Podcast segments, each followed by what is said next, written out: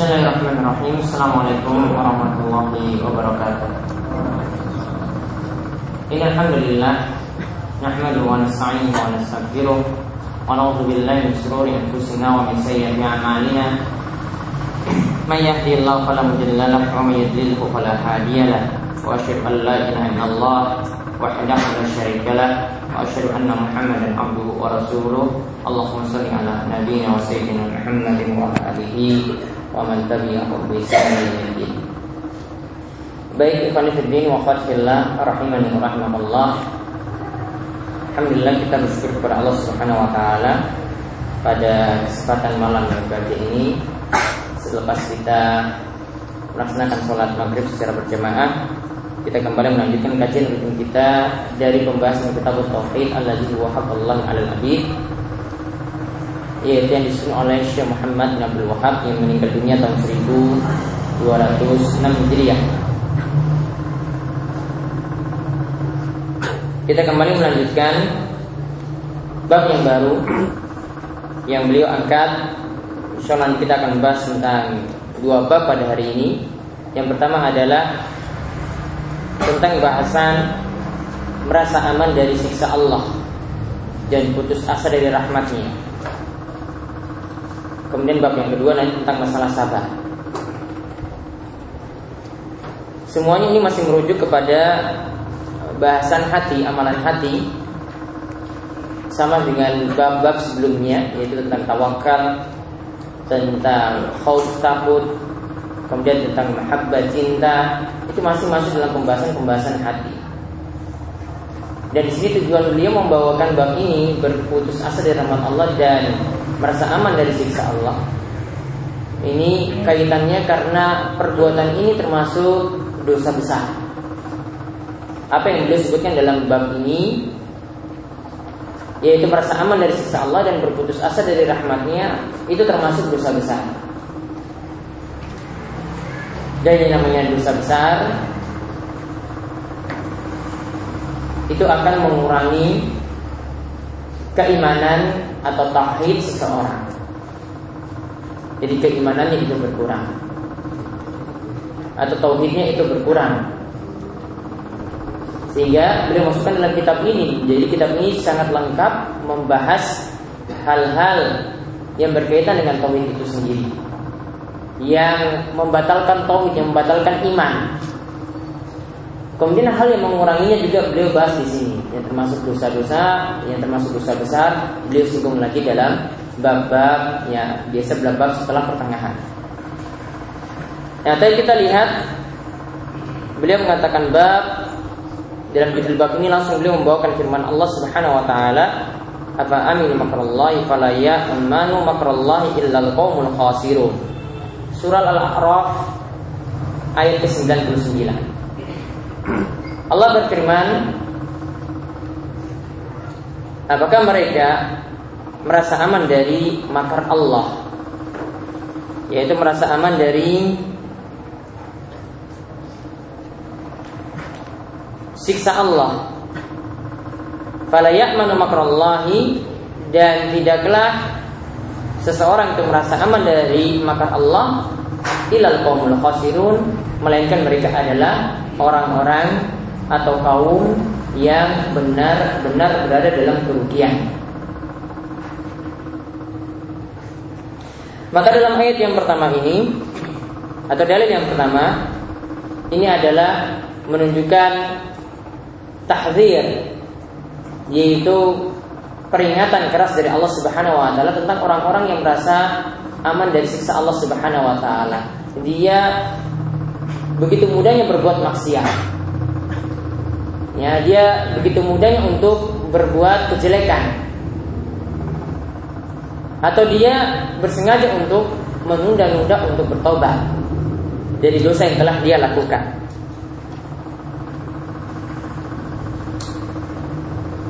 Kemudian ayat yang kedua kalau tadi itu tentang merasa aman dari makar Allah Subhanahu wa taala, ayat yang kedua yaitu dari surat Al-Hijr ayat 56.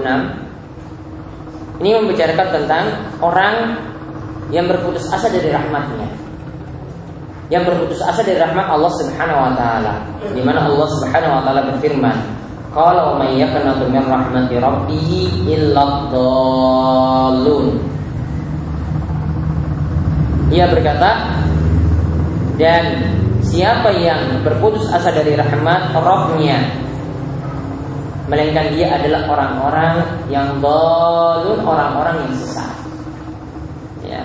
Orang-orang seperti itu yang merasa berputus asa dari rahmatnya dia dia terjerumus dalam suatu dosa atau suatu maksiat ya. dia harusnya segera untuk bertobat tapi karena merasa bahwasanya dosanya itu begitu banyak akhirnya dia menunda nunda tobatnya tadi ya atau dia merasa berputus asa Allah tidak mungkin menerima tobatnya tersebut. Ya ini kalau ayat yang kedua ini memperingatkan tentang bahayanya orang yang berputus asa dari rahmat Allah Subhanahu wa taala.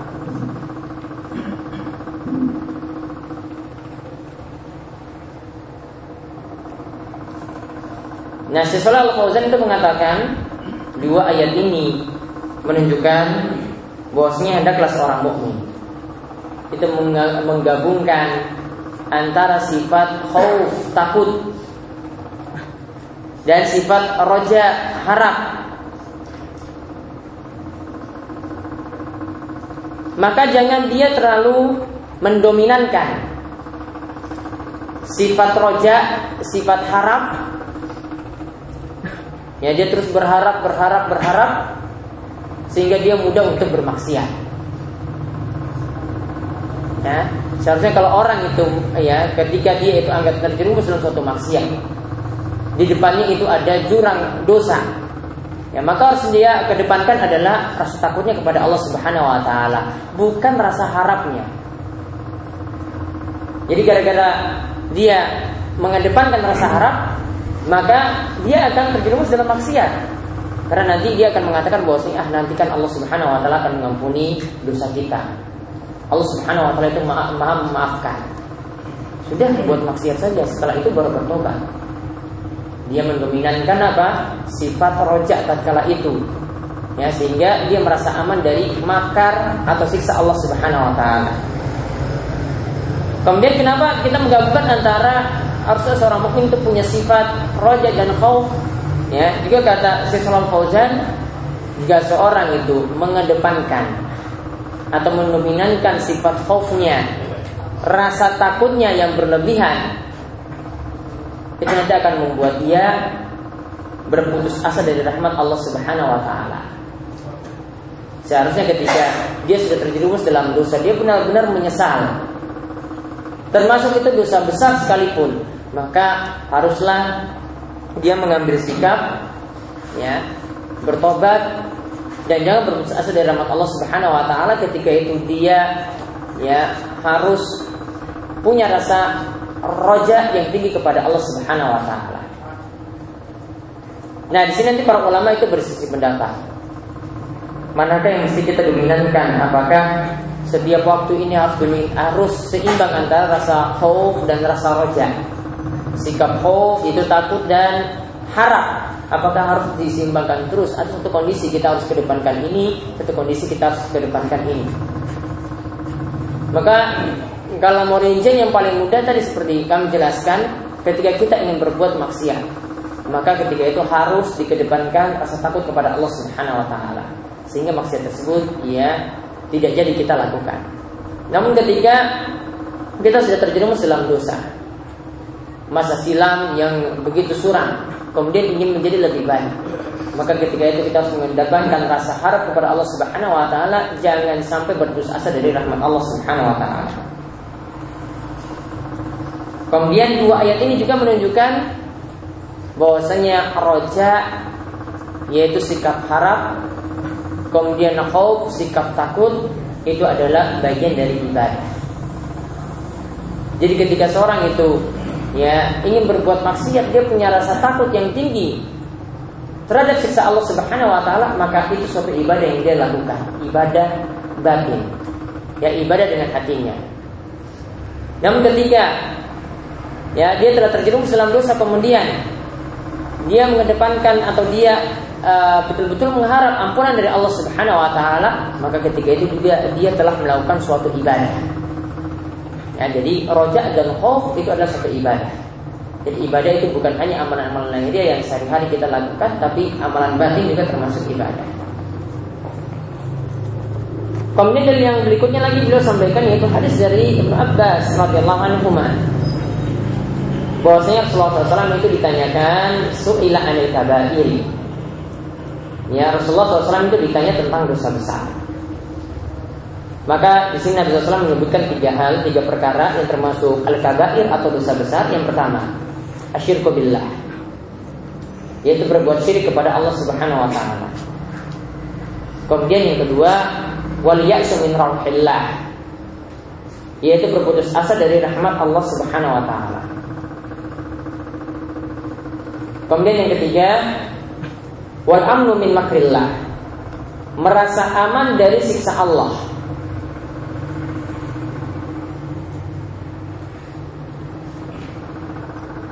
Di sini di kata sesuatu ini dikeluarkan al Bazzar juga oleh At-Tabrani dalam Mu'jam Al-Kabir dengan sanad yang hasan. Jadi disebutkan dalam hadis ini dari hadis Ibn Abbas tentang dosa-dosa besar. Di sini bukan berarti dosa besar dibatasi pada tiga hal ini. Atau dalam hadis yang lain dikatakan sama al mubiqat ada tujuh dosa besar.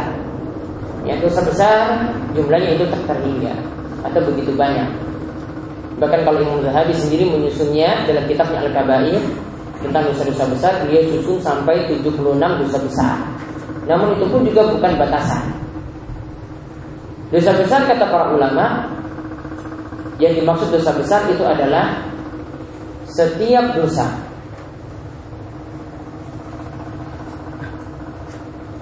yang diancam. Mendapatkan hukuman di dunia. Atau mendapatkan hukuman di akhirat. Suatu dosa yang diancam mendapatkan hukuman di dunia. Atau mendapatkan hukuman di akhirat.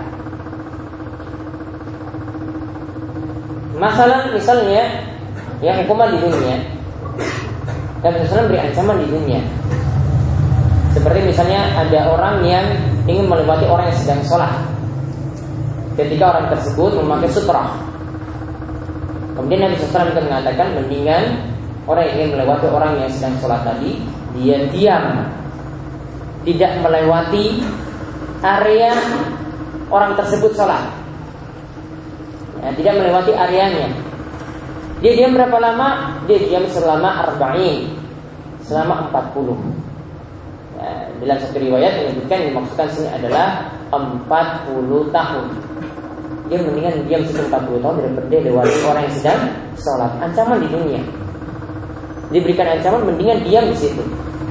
Ada ancaman atau hukuman seperti ini, maka ini menunjukkan orang yang melewati orang yang sedang sholat terjerumus dalam dosa besar. Misalnya lagi hukuman di akhirat. Misalnya salam itu katakan uh, kepada wanita yang memakai pakaian tapi telanjang mereka tidak akan mencium bau surga. Padahal bau surga itu dapat dicium dari jarak sekian dan sekian. Ya, yaitu Nabi Muhammad sifatkan wanita tersebut dan ariyah. Di antara sifatnya adalah berpakaian ya namun ariyah telanjang. Jadi seolah-olah pakaiannya itu dinafikan. Pakaiannya itu dinihilkan. Berpakaian tapi dikatakan telanjang. Artinya seperti tidak berpakaian. Ya, jadi para ulama uh, tafsirkan apa yang dimaksudkan dengan kasiyatun ariyat yaitu kadang pakaiannya itu tipis, transparan. Jilbabnya rambutnya itu kelihatan hitam di dalam. Transparan. Dan ada juga tafsiran yang mengatakan bahwasanya pakaiannya itu ketat. Ya, pakaiannya itu ketat. Ya, mungkin dengan bajunya ya, juga dilewat celananya ya, dengan celananya dia memakai celana yang ketat celana pensil ya, atau legging ya, seperti itu yang dipakai maka terancam dengan hadis tersebut ancamannya di mana di akhirat berarti perbuatan ini termasuk dosa besar. Kadang juga yang namanya dosa besar itu terkena laknat. Seperti Nabi SAW itu melaknat la'anallah ar-ras wal murtashi yaitu Allah itu melaknat orang yang memberi suap dan orang yang menerima suap. Orang yang menyogok dan orang yang disogok. Kemudian eh, misalnya dalam masalah riba Nabi SAW itu melaknat ya empat pelaku. Ya, la'ana Rasulullah SAW ya akla akilur riba akilar riba wa mukilahu wa katibahu wa syahidaihi yaitu Rasulullah SAW itu melaknat empat pelaku. Yang pertama orang yang memakan riba. Artinya yang memanfaatkan uang riba. Itu hasil pekerjaan ribanya kemudian dia manfaatkan. Kemudian yang kedua orang yang menyetorkan riba. Yaitu yang jadi nasabah yang meminjam. Juga terkena laknat. Kemudian yang ketiga orang yang mencatat sekretarisnya. Kemudian yang keempat, orang yang jadi dua saksinya. Orang-orang ini diancam dengan ancaman laknat dan yang namanya laknat itu adalah al-bu'du min rahmatillah, yaitu jauh dari rahmat Allah Subhanahu wa taala. Berarti menunjukkan perbuatan-perbuatan yang disebutkan dalam laknat tadi ya atau pelakunya yang disebutkan dia telah melakukan dosa besar. Nah di sini Nabi SAW sebutkan tiga asyirku billah berbuat syirik kepada Allah. Ini termasuk dosa besar, bahkan termasuk dosa kekafiran. Dapat mengeluarkan seorang itu dari Islam. Kemudian yang kedua dan yang ketiga, nah ini yang kita bahas kali ini, ini juga termasuk dosa besar. Waliyasu min. Rauhillah itu maksudnya rahmat Allah. Yaitu dia berputus asa dari rahmat Allah Subhanahu wa taala. Kemudian yang ketiga, wal amnu min makrillah. Dia merasa aman dari siksa Allah Subhanahu wa taala.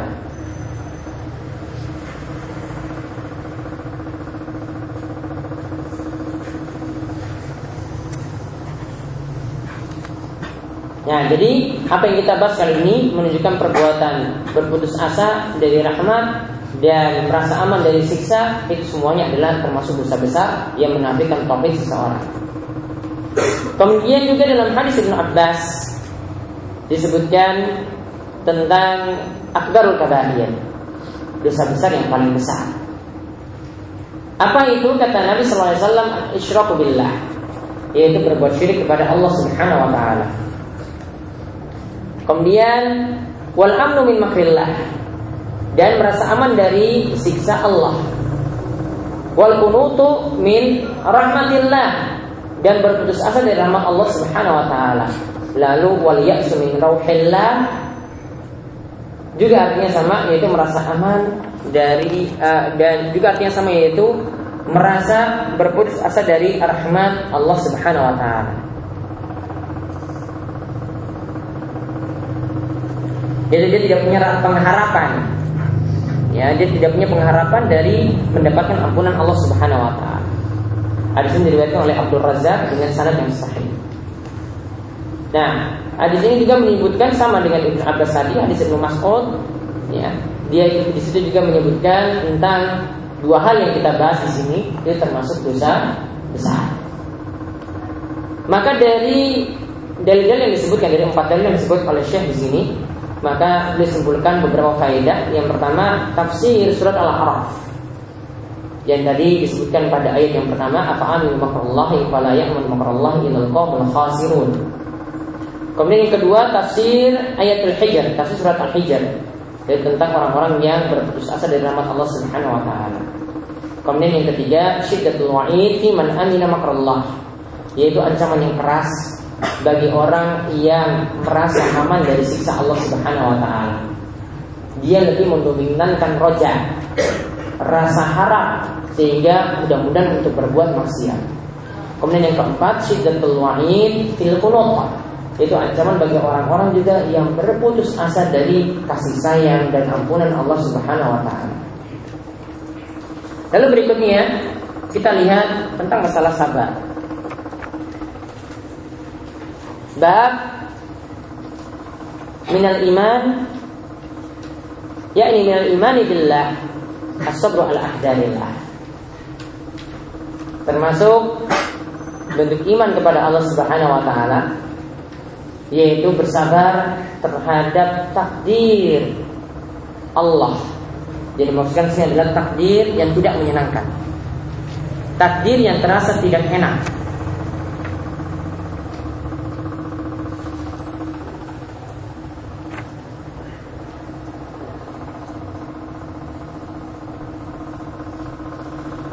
Beliau membahas tentang masalah sabar di sini juga kaitannya karena orang yang tidak sabar sampai dia melakukan perbuatan niyaha bersedih yang terlalu berlebihan.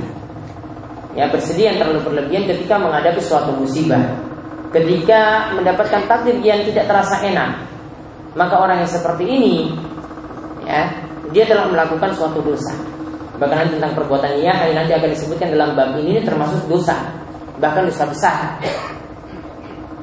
Nah, jika seorang itu tidak sabar, di mana sabar itu adalah suatu tuntutan yang wajib, maka orang tersebut berarti telah melakukan suatu kesalahan, telah melakukan suatu dosa, bahkan kalau perbuatannya sampai tingkat niyaha, bersedih yang terlalu berlebihan, maka itu tidak akan terjerumus dalam dosa besar. Kalau seorang melakukan perbuatan ini tidak sabar, berarti ketauhidan atau keimanannya itu berkurang. Maka itu alasannya kenapa beliau membahas tentang masalah sabar juga dalam kitab ini.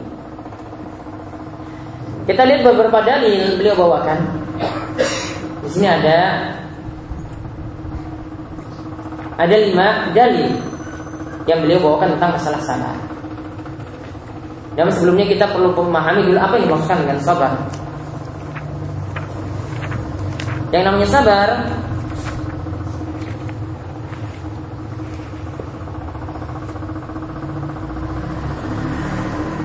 Ini disebutkan oleh Ibnu Qayyim dalam kitabnya Iddatus Sabirin. sabar itu dari kata sobara Artinya habasa wa mana. Sabar itu dari kata habasa wa mana yang artinya menahan atau menghalangi diri. Sedangkan secara istilah yang namanya sabar itu mencakup tiga hal. Yaitu habsun nafsi anil jazai habsun nafsi anil jazai yaitu menahan hati supaya tidak berkeluh kesah. Menahan hati supaya tidak berkeluh kesah menggerutu. Atau merasa tidak suka dengan takdir ilahi. Kemudian yang kedua walisani anitasyakki wasakhati menahan lisan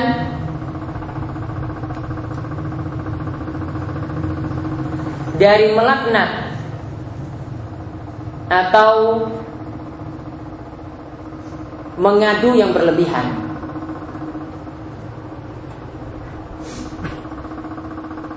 Kemudian yang ketiga, wal jawarihi an latmil qududi wa syaqqil juyubi wa nahwihima.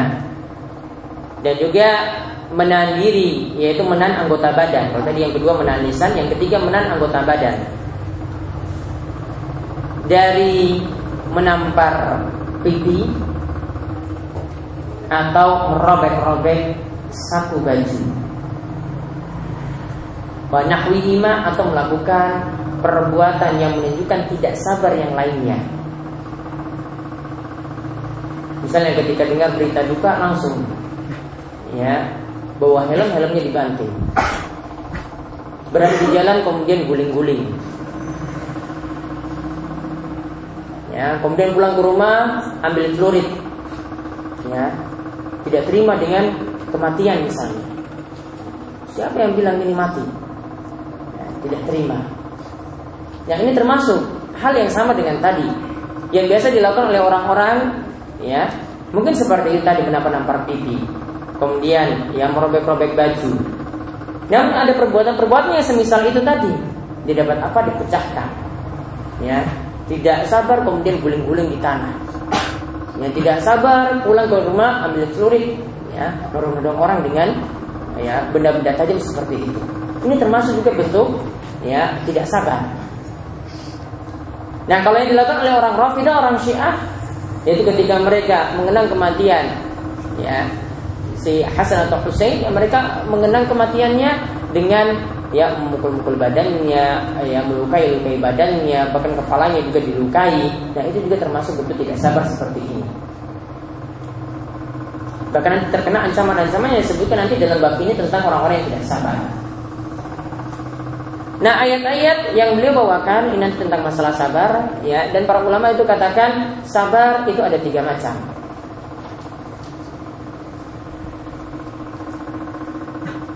Ya disebutkan oleh para ulama tiga macam ini. Disebutkan oleh Ibnu Qayyim, Ibnu Rajab dalam Matail Ma'arif, kemudian juga ya Ibnu Qayyim misalnya dalam Ibtatus Sabirin ya, beliau mengatakan bahwasanya sabar itu ada tiga. Yang pertama sabar dalam melakukan ketaatan. Sabar dalam melakukan ketaatan. Ingin rutin melaksanakan sholat, ingin rutin menjaga sholat subuh, ingin rutin menjaga sholat jamaah, ingin rutin ya atau istiqomah dalam menuntut ilmu. Itu semuanya butuh pada kesabaran. Kemudian yang kedua, sabar dalam menjauhi maksiat. Supaya tidak terjerumus dalam riba, Sebagian orang itu tidak sabar, pengen cepat dapat harta, pengen cepat dapat motor, pengen cepat dapat mobil, akhirnya cara riba yang ditempuh. Tidak sabar dalam menjauhi maksiat. Kadang juga untuk mencari jodoh misalnya, ya, tidak sabar. Padahal nanti ujung-ujungnya sama juga. Ya, tetap juga nanti sampai ke pelaminan. Tapi yang satu tempuh dengan jalan ya pacaran aja 12 tahun. Kemarin saya sebutkan 12 tahun ya 12 tahun putus. Akhirnya dapat dengan jodoh yang lain. Sia-sia kan? 12 tahun pacaran. Ya putus juga. Allah takdirkan putus ya putus. ya I N U N sekarang. Selesai. Tidak sabar. Kalau nanti ujungnya sama juga. Ada yang tempuh jalan ya cepat ya. Kamu suka sama saya enggak kalau nggak suka saya cari yang lain. Ya. Kalau mau ya sudah nanti saya lapor orang tuamu ya. Seperti ini. Lapor ke bapaknya kemudian nanti gimana pak setuju atau enggak? Ya nanti saya bawa orang tua ini tenang ini ya. Jadi saya bawa orang tua. Orang nggak pusing. Bapaknya nanti juga ngomong. Iya kalau kamu nggak segera nanti ini satu kampung sudah pada mau cari anak saya harus segera kamu lamar juga. Oke ya itu sudah ya itu dilamar ya sudah. Janji kapan nikahnya ya segera ya sudah. Sama ujung-ujungnya juga kan pelaminan. Satu tempuh jalan yang tidak Allah ridhoi yang satu tempuh jalan yang halal. Satu tidak sabar. Ya tidak sabar ya pokoknya ya, gimana lagi kita mau kenalan bagaimana lagi supaya cari tahu satu dan lainnya. Padahal simpel sebenarnya. Ya. dan yang namanya pacaran semua itu penuh dusta. Ya semuanya itu penuh dusta. Pura-pura baik yang perempuan. Oh, gimana mas keadaannya? Itu pura-pura semuanya itu. Ya nanti ketika nikah ya juga ya beda seperti itu keadaannya. Kamu butuh makan ya cara cari di dapur sendiri. Ya beda waktu di pacaran kan mas bukan mas nanti saya siapkan nanti di rumah wow sekarang kalau pacaran ini baik-baik ya tapi nanti kalau sudah nikah ya sudah biasa mau butuh apa ini ada garam di sana ada nasi di sana ya ambil sendiri jadi semuanya penuh kedustaan. Yang baik-baik ya, yang jelek-jelek itu dibuat jadi baik. Semua di ya dihias sehingga membuat pasangannya itu tertarik. Ada sih eh, kelemahannya kelemahannya itu banyak sekali dari sistem pacaran seperti itu. Yang intinya ada yang tidak sabar. Ya, dalam hal ini sehingga menempuh jalan yang Allah Subhanahu wa taala haramkan. Maka kalau seorang itu mau bersabar menempuh jalan yang halal, maka dia nanti akan ya mendapatkan sifat sabar yang kedua ini sabar dalam menjauhi maksiat. Kemudian eh, sabar yang ketiga ini yang dibahas oleh Syekh Muhammad di sini yaitu sabar dalam menghadapi takdir yang tidak terasa enak atau sabar dalam menghadapi musibah. Ya sabar dalam menghadapi musibah.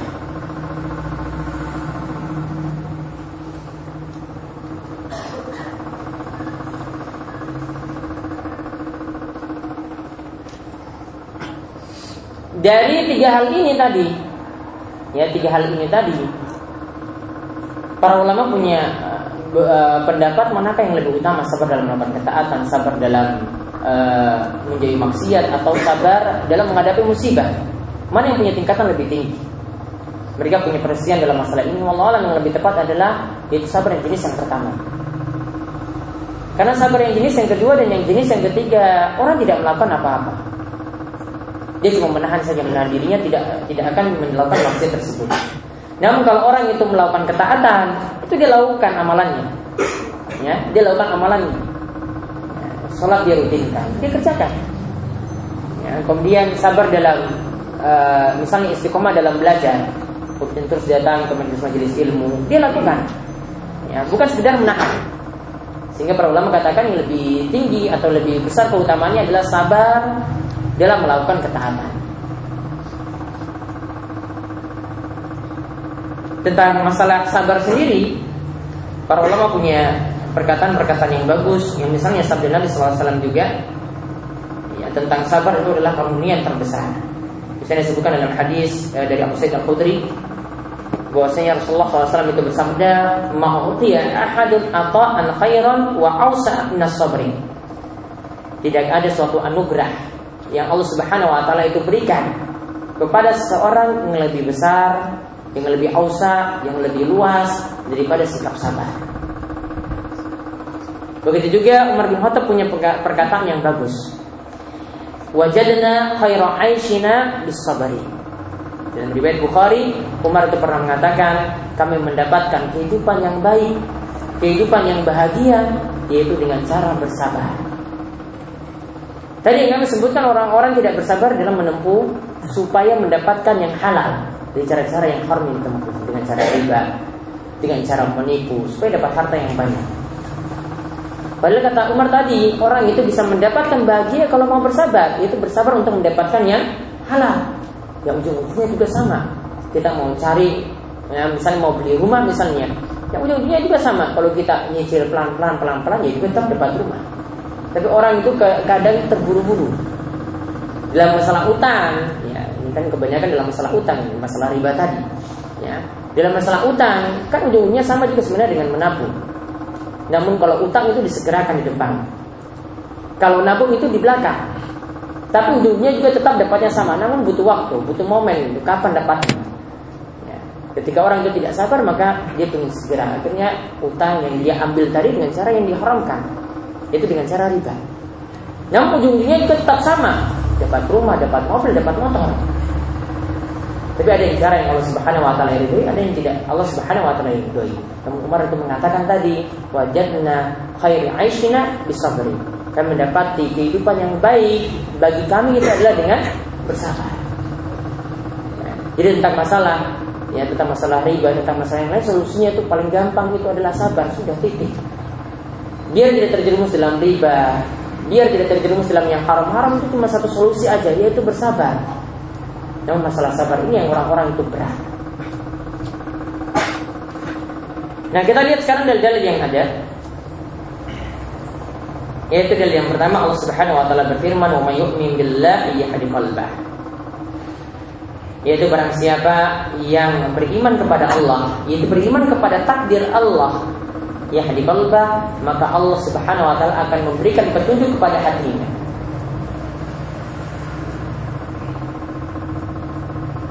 Karena dalam ayat sebelumnya atau dalam masih satu ayat disebutkan ma asaba musibatin illa bi wa may yu'min billahi yahdi qalbah.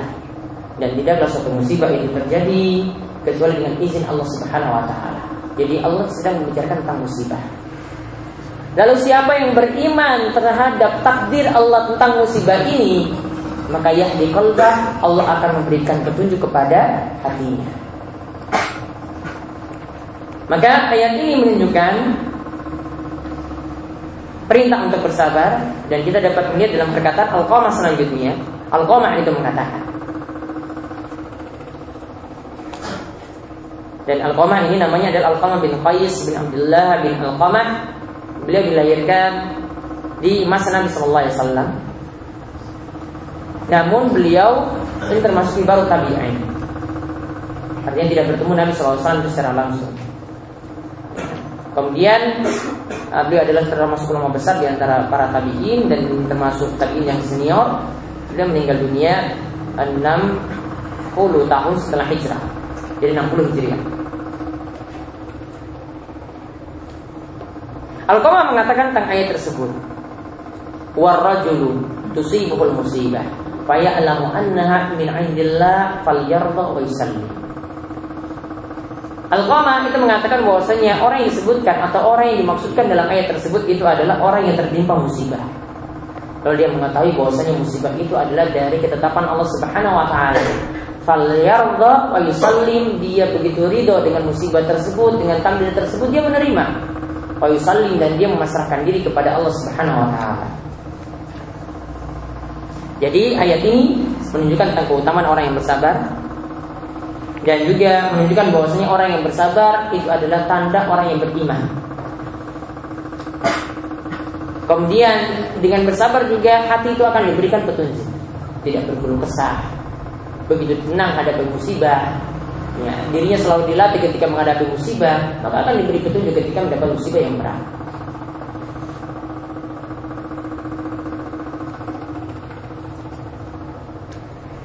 Nah kemudian hadis berikutnya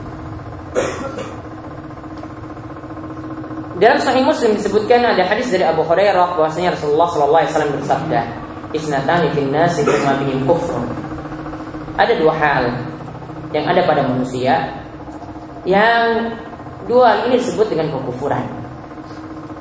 Yaitu yang pertama adalah al-qa'nu fin yaitu mencela nasab.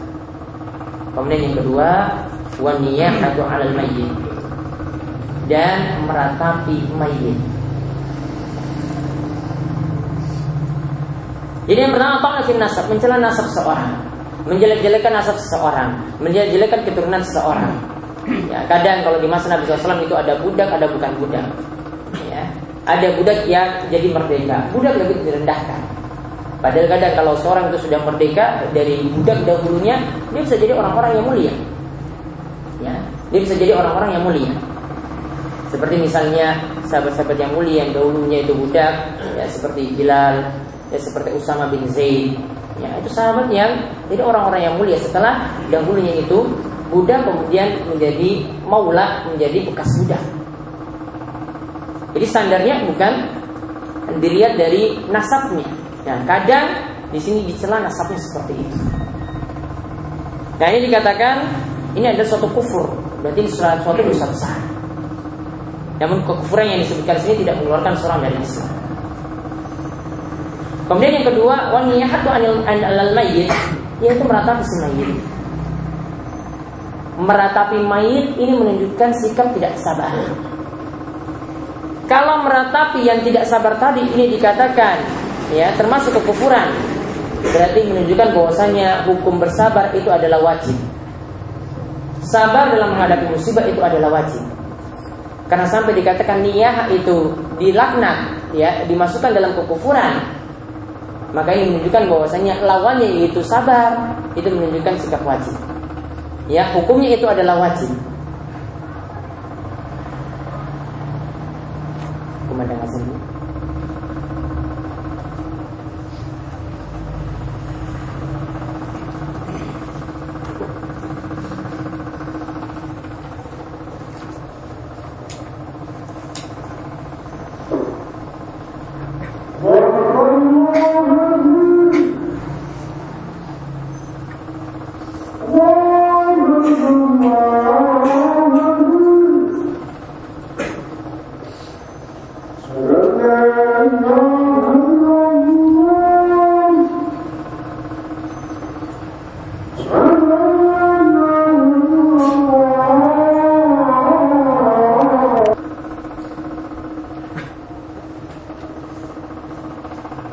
Kembali tentang masalah niyah. Niyah itu sebagaimana dikatakan oleh Syekh Sulaiman At-Tamimi yang namanya niyah alal mayyit yaitu meratapi mayit itu maksudnya rafus saud bin nadbi bi ta'dil syama'ilihi lima zalika min tasaqqut itu seorang meninggikan suaranya, mengeraskan suaranya. Ketika dia mendapati suatu musibah, yang menunjukkan dia itu merasa kecewa dengan takdir Allah Subhanahu wa taala. Dan ini menunjukkan sikap tidak sabar.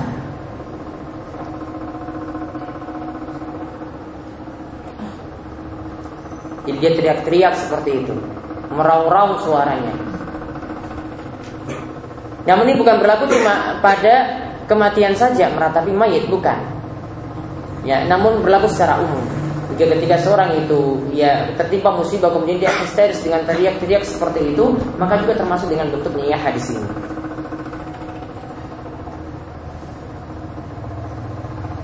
Dan tadi kalau dikatakan bahwasanya niyah di sini termasuk bentuk kekufuran berarti lawannya yaitu sabar.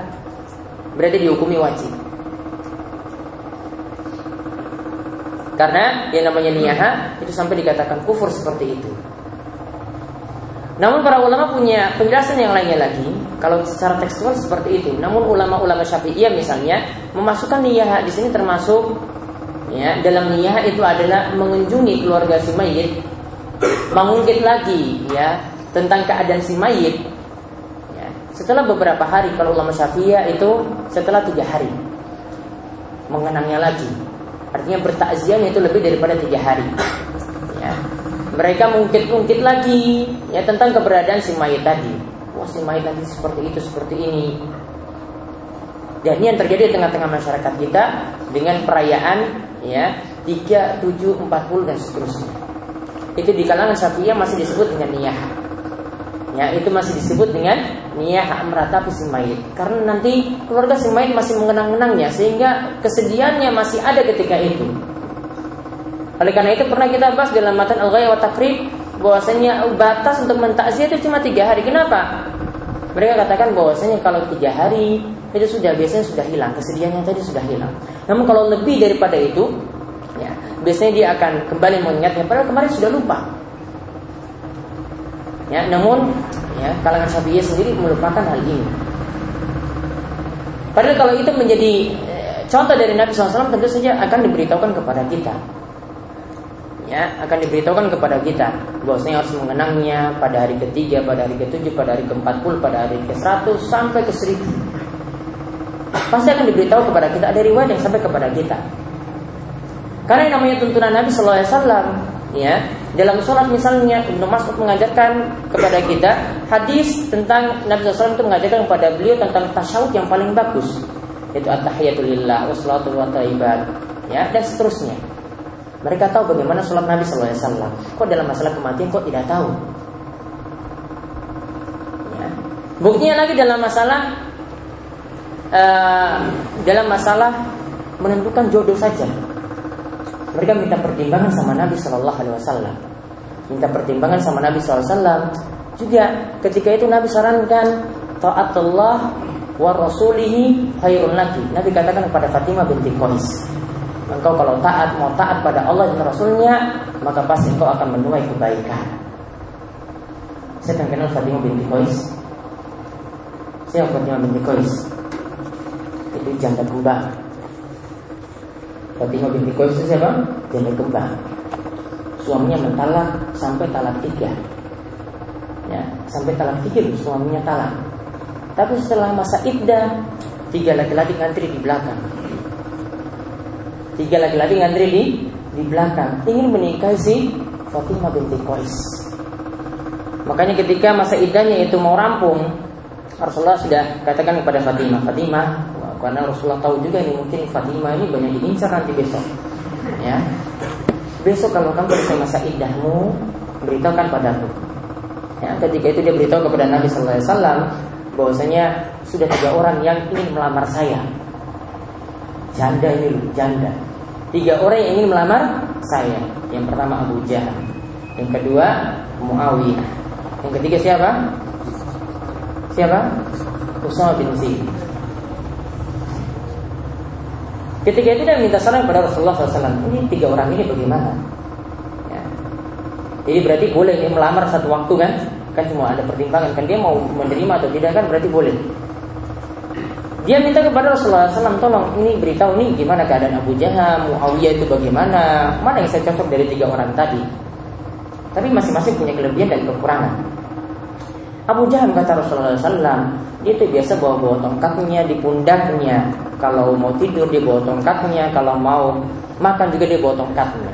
Ini ibarat dari Nabi SAW untuk mengibaratkan suami yang suka memukul perempuan. Ya, dia sering memukul istrinya. Sudah kamu gak usah sama Abu Jahal. Yang kedua, siapa tadi? Muawiyah. Muawiyah bin Abi Sufyan, sahabat yang mulia. Ya, cakep ya cakep. Jadi Nabi SAW katakan kepada Fatimah, Fatimah, si Muawiyah itu soklukun, ya soklukun. Atau dalam riwayat dikatakan taribun, lama lahu. Dia itu fakir, miskin, dia tidak punya harta apa-apa. Sudah kamu gak usah saja sama Muawiyah. Muawiyah miskin ya, nggak punya apa-apa. Ini mau lamar kamu, dia nggak punya apa-apa, terus mau nafkahi kamu gimana? Berarti Muawiyah ditolak ya kan? Gara-gara apa? Gara-gara kere, gara-gara miskin. Ini kalau belum ada pekerjaan terus datang kepada ya calon mertua kemudian mau lamar kemudian ditolak gara-gara miskinnya sudah terima saja. Gak usah nangis, gak usah putus asa masih banyak yang lain masih banyak yang mau. Ya laki-laki itu harus punya harga diri. Ya, ditolak tadi kan sudah masih ada yang lain. Mungkin sekarang kita itu miskin kan belum ada pekerjaan. Ya, mungkin besok kalau kerja di pertambangan punya banyak harta, ya mungkin nanti kembali lagi ya awalnya mungkin seperti itu jadi boleh menolak ya calon mertua tadi itu boleh menolak itu gara-gara alasan apa miskin namun yang ketiga ya Nabi SAW katakan sudah kamu nikah saja ingkihi usama. Kamu nikah saja sama siapa? Usama. Ya namanya usama. Perlu diketahui bahwasanya Muawiyah itu masih lebih mending. Usama itu kulitnya hitam. Ya dia itu kulitnya apa? Hitam. Tapi Rasulullah sudah sama Usama. Sudah kamu nikah saja sama Usama. Kemudian ketika itu uh, dia namanya Usama tahu Fatimah itu awalnya itu nggak serak. Maka dia ketika itu pas dengar Usama, masa sama Usama? ya, masa sama Usama? Apa nggak ada yang lain gitu? Rasulullah SAW katakan lagi ulang, sudah kamu nikah sama Usama, titik. Lalu dalam riwayat Muslim dikatakan juga taatullah wa rasulihi ya khairul laki. Engkau kalau mau taat pada Allah dan Rasulnya maka pasti kamu akan bahagia. Dia manut pada Nabi SAW dalam jodoh. Coba lihat, manut pada Nabi SAW dalam apa? Jodoh. Maka kata Fatimah setelah itu, saya akhirnya memilih menikah dengan Usama. Saya manut pada Nabi SAW dalam jodoh. Ya, maka setelah itu dia katakan bahwasanya iktabtu bihi. Aku begitu bahagia ternyata setelah memilih menikah dengan Usama walaupun hitam. Ya, walaupun hitam. Karena apa? Dia memilih perintah Nabi Shallallahu Alaihi Wasallam. Dalam jodohnya manut pada Nabi SAW bahagia. Apalagi dalam perkara-perkara yang lainnya Dalam perkara sholat, dalam perkara ibadah Dalam tuntunan-tuntunan kita setiap hari. Dalam masalah kematian pun. Coba kalau orang itu ikut Nabi SAW Pasti juga akan mendapatkan kebahagiaan. Lihat sahabat saja dalam masalah ini contoh Nabi. Ikuti Nabi. Manut pada perintah Nabi SAW Bahagia Apalagi dalam perkara-perkara yang lainnya. Insya Allah setelah ini kita akan lanjutkan. Ya dua hadis lagi setelah